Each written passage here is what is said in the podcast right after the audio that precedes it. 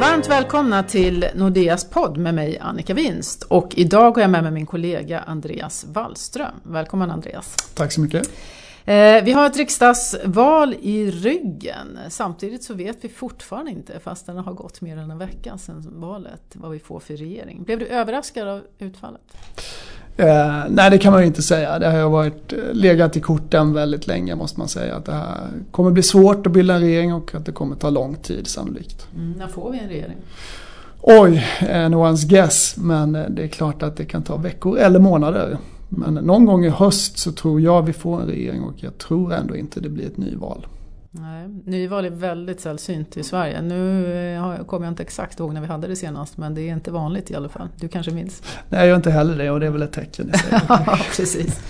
Minns också Angela Merkel efter det tyska valet och hon sa att de hade dem ju på hösten och hon sa att de hoppades att de skulle ha en regering på plats till nyår tror jag hon uttryckte mm. det. Sen dröjde det nästan ett kvartal till mm. innan den var på plats. Alltså egentligen så är ju inte det avgörande tycker jag att det sker snabbt ändå. Utan det viktiga är ju att du får en hyfsat stabil regering med liksom förutsättningar att bedriva politik. Och det är ju viktigare att det blir rätt än att det blir snabbt. Mm, men är det möjligt att få en stabil regering med det här utfallet? Ja, det känns ju tveksamt och svårare än på mycket länge. Uh, faktiskt. Men oavsett om uh, man får till en regering här i närtid eller inte så ska det fram en budget. Hur går det till om vi inte har en regering? Ja, då kommer det gå till så om vi nu inte får en regering de kommande veckor eller månader så är det så att senast den 15 november så måste det finnas en budget på plats för nästa år. Och det kommer då vara en budget som är ren från politik kan man säga. Att det är en tjänstemannabudget utan egentligen åtgärder.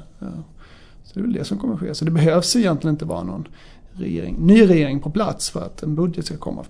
Och det betyder att finanspolitiken kommer inte så, ta så stor roll då? Nej, det kommer den ju inte göra. Sannolikt inte heller med en ny regering faktiskt eftersom den blir så svag får man förmoda. Nej, det kommer vara svårt att genomföra de reformer man vill.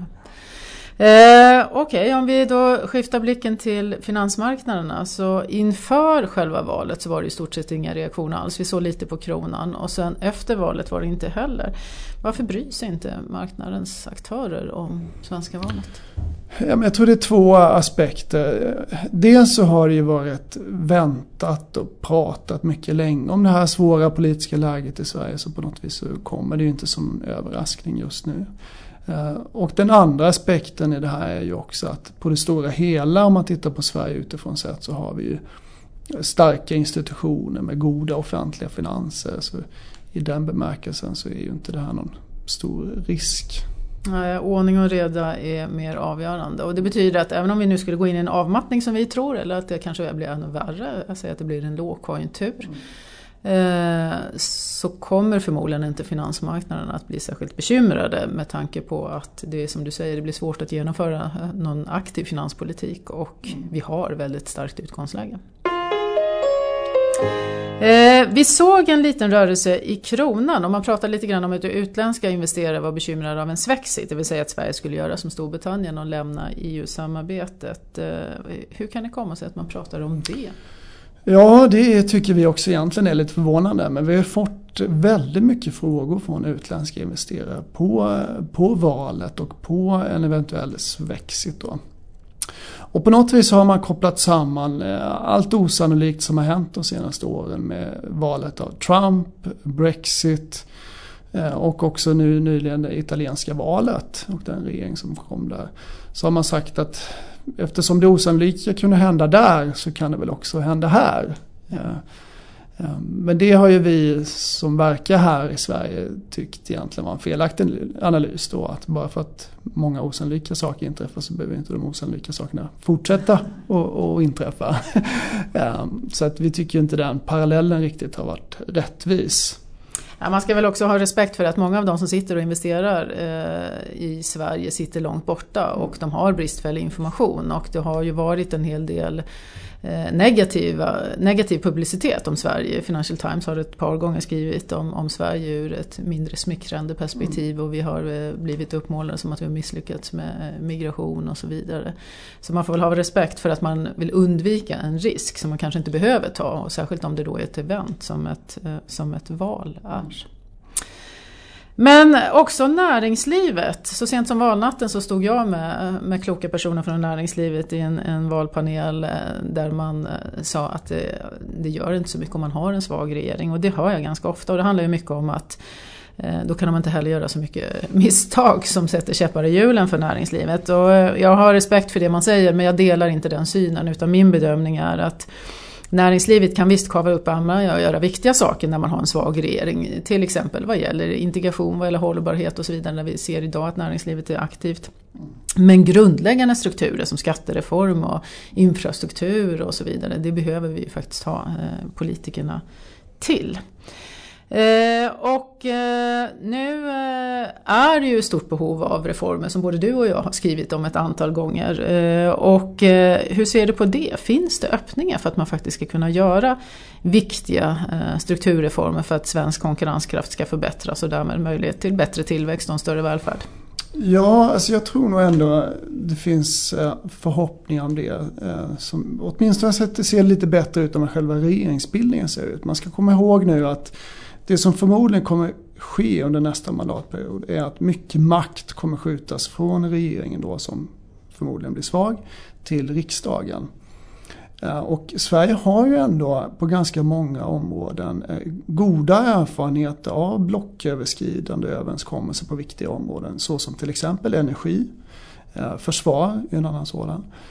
Och förhoppningsvis så kan ju det då komma, trots då en svag regering under nästa mandatperiod. Eh, men det är ju genuint svåra frågor då som man ofta efterlyser. Till exempel många ekonomer ser behovet av, och jag delar den synen, av en skattereform. Men här är det svårt eftersom eh, de olika blocken då har en genuint eh, faktiskt olika åsikter om hur en sån reform borde se ut. Mm, man brukar också säga att man vill ha en skattereform tidigt i mandatperioden för att folk ja. inte ja, så att man hinner glömma vad det kostar så att säga. Och det är väl svårt med tanke på att det tar tag innan vi ens har en regering ja. på plats. Bostadsfrågan och infrastruktur det hänger ju ihop. Det är också en sån fråga som jag uppfattar att lobbyisterna har velat ha lite locket på inför valet för att inte politikerna ska låsa fast sig i olika ställningspunkter. Och så har man väl hoppats på att man ska få en bättre diskussion efter valet. Finns det öppningar för det eller? Ja, jag tror säkert att vi kommer få se nya samtal, blocköverskridande samtal. Sen är frågan... Hittills har de fallerat. ja, men det kommer nog nya försök skulle jag gissa under nästa mandatperiod. Men frågan är ju, kommer de leda någonstans och när i så fall? Jag tror till exempel en viktig fråga som man pratar om inom bostadspolitiken är ju det här med ränteavdragen. Som är kopplat till skatterna då ju. Eh, en genuint svår fråga tror jag. Som, som min bästa gissning skulle ändå vara att man inte kommer röra dem under nästa. Nej, de två stora, eh, Socialdemokraterna och Moderaterna, eh, är ju inte på den frågan eller vill inte ha upp den till diskussion med denna i stort sett alla andra, mig veterligt, vill Om du själv skulle få önska så sa du en skattereform. Men vad är mer viktigt att man får till de här fyra kommande åren? Jag skulle sätta som prio nummer ett och se över det finanspolitiska ramverket. Då. Mm. Som, kan du förklara och beskriva det för dig? Ja, det kan jag göra lite kort. Eh, det är ganska stort och brett. Det handlar dels om hur budgeten baxas igenom i riksdagen. Men i stort så kan man säga så här att eh, de offentliga har då ett mål på att ha ett överskott som motsvarar en tredjedels procent av BNP. Nyligen sänkt. Ja, precis. och det gäller från och med nästa år då. Tidigare så var det en procent. Eh, och utöver det så har man vad man kallar ett skuldankare. Som är eh, att den offentliga skulden inte ska vara mer än 35% av BNP. Eh, så det där styr den ekonomiska politiken emot kan man säga. Det är det som sätter ramarna, det är det som sätter hur mycket finansministern ser att hon eller han har som reformutrymme. Eh, och eh, min bild är att man har ju motiverat det här överskottsmålet de senaste tio åren med att, den här, att vi står inför en demografisk utmaning. Eh, och som jag ser det så står vi just inför den nu. Det är nu det sker. Nu börjar de babyboomers, 40-talisterna bli riktigt gamla och kosta. Och då måste vi använda de medlen som vi har sparat under alla de här åren, eh, åren då, och helt enkelt sänka det överskottsmålet. Kanske till att ha noll eller rent av minus. Tillfälligt eller? Ja det skulle jag säga men det kan vara över en ganska lång period. Det kan ju vara över en tioårsperiod. Att man tillåter att faktiskt skulden stiger lite framöver. Inte mycket men lite.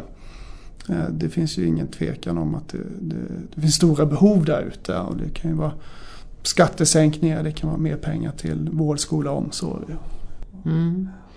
Eh, vi har ju haft en regering som inte har gjort några eh, stora reformer de senaste fyra åren och sista fyra åren av alliansregeringen så gjorde ju inte de heller någonting. Det vill säga att vi har redan åtta år i ryggen då man faktiskt inte har vidtagit reformer för att förbättra konkurrensläget. Och det finns ju en risk med tanke på att vi har en svag eh, Sannolikt har en svag regering att vi har fyra år till, då är det tolv år. Eh, och jag brukar säga när jag är ute och håller föredrag att om man tänker sig in i det som företagare, vilket företag man jobbar om man inte gör reformer på 12 år, hur skulle man må då i den konkurrensvärld eh, vi befinner oss? Och det är klart att länder är inte samma sak som företag men även länder är ju utsatta för konkurrens. Vi har en öppen värld idag med kapital, människor, entreprenörer som rör sig allt mer fritt. Mm. Och det gäller att ha en fungerande struktur. Och under de här 12 åren så har andra länder då gjort förhoppningsvis många bra reformer och förbättrat sin situation. Så absolut, det blir ju ett problem till slut. Hur optimistisk är du? Uh, ja men så, så, här, jag är väl lite halvt pessimistisk då på, på den, eh, i det perspektivet på lite sikt.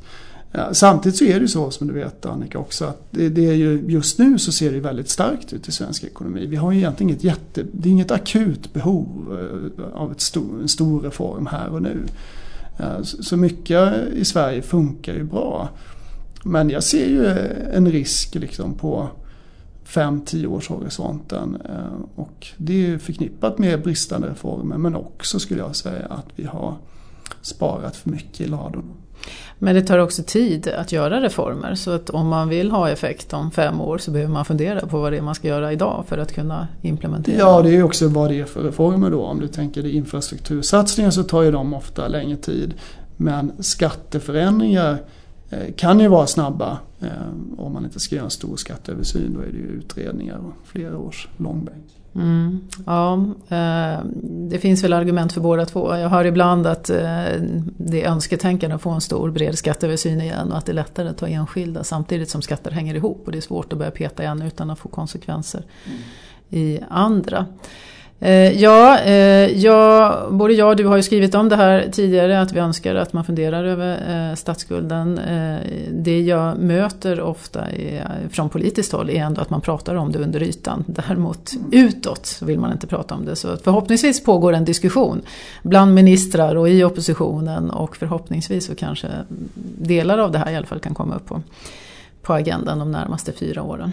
Även om jag inte heller är så optimistisk med tanke på det svaga eller utsatta läget. Men om vi släpper eh, det här precis och tänker utifrån ett riksbanksperspektiv, penningpolitiken. Spelar politiken någon roll då? Att den är svag, tänker jag, blivande regering? Inte särskilt mycket eftersom det, det är en sån bred konsensus i riksdagen och kommer vara det också nu.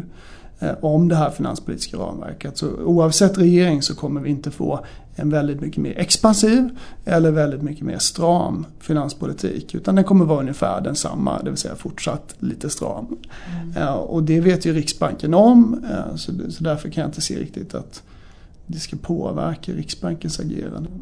Däremot finns det en risk om vi skulle gå in i en djupare avmattning eh, om vi har fel och det blir betydligt värre. Då har ju penningpolitiken tappat en del av sina naturliga verktyg i och med att räntan är ja. där den är. Eh, och då kan ju finanspolitiken behöva spela en större roll och det kan ju vara svårt om man är ja. i minoritet. Ja. Jag, jag tror framförallt om det blir eh, en slags pyspunka Ja, det tror jag är det värsta. Då tror jag politikerna Pyspunka på vad? Ja, en försiktig, på konjunkturen, en du? En konjunkturnedgång ja. som inte är sådär jättestark. Då tror jag kan, politikerna kan få svårt att komma överens. Men om vi skulle stå inför en ny finanskris, alltså så som vi hade för tio år sedan, en, en verkligen eh, skarp nedgång då tror jag ändå politikerna eh, över blocken, till och med sossar och moderater kommer, kommer överens om åtgärder faktiskt. Det brukar vara svenska politikers paradgren brukar jag säga. Varje finanskris då, eller varje djupare kris då, då skärper man sig och vidtar åtgärder.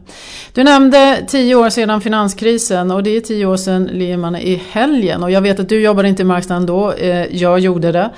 Eh, men du har ju varit med sedan dess och Utifrån det perspektivet då, är det problematiskt att ha en svag regering? Det finns ju ändå en del obalanser som har byggts upp. I Sverige pratar vi om hushållens skuldsättning, eh, risker på bostadsbyggande, marknaden och så vidare. I andra länder så pratar man om shadow banking och eh, italienska banker om vi ska ta lite närmare. Vi, vi pratar om att centralbanken har mycket stora balansräkningar. Frågan är om man har gjort investeringar för framtiden.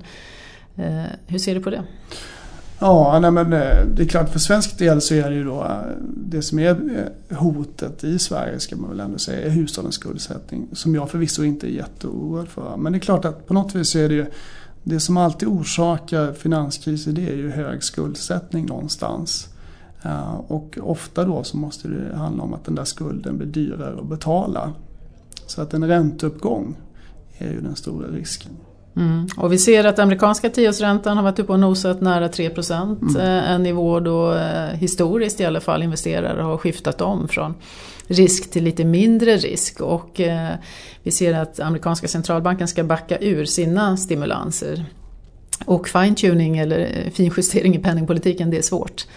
Eh, det är klart att det finns en risk att vi får betydligt högre räntor i Sverige utifrån ett internationellt perspektiv. Något som är svårt att styra både för Riksbanken och för svenska politiker.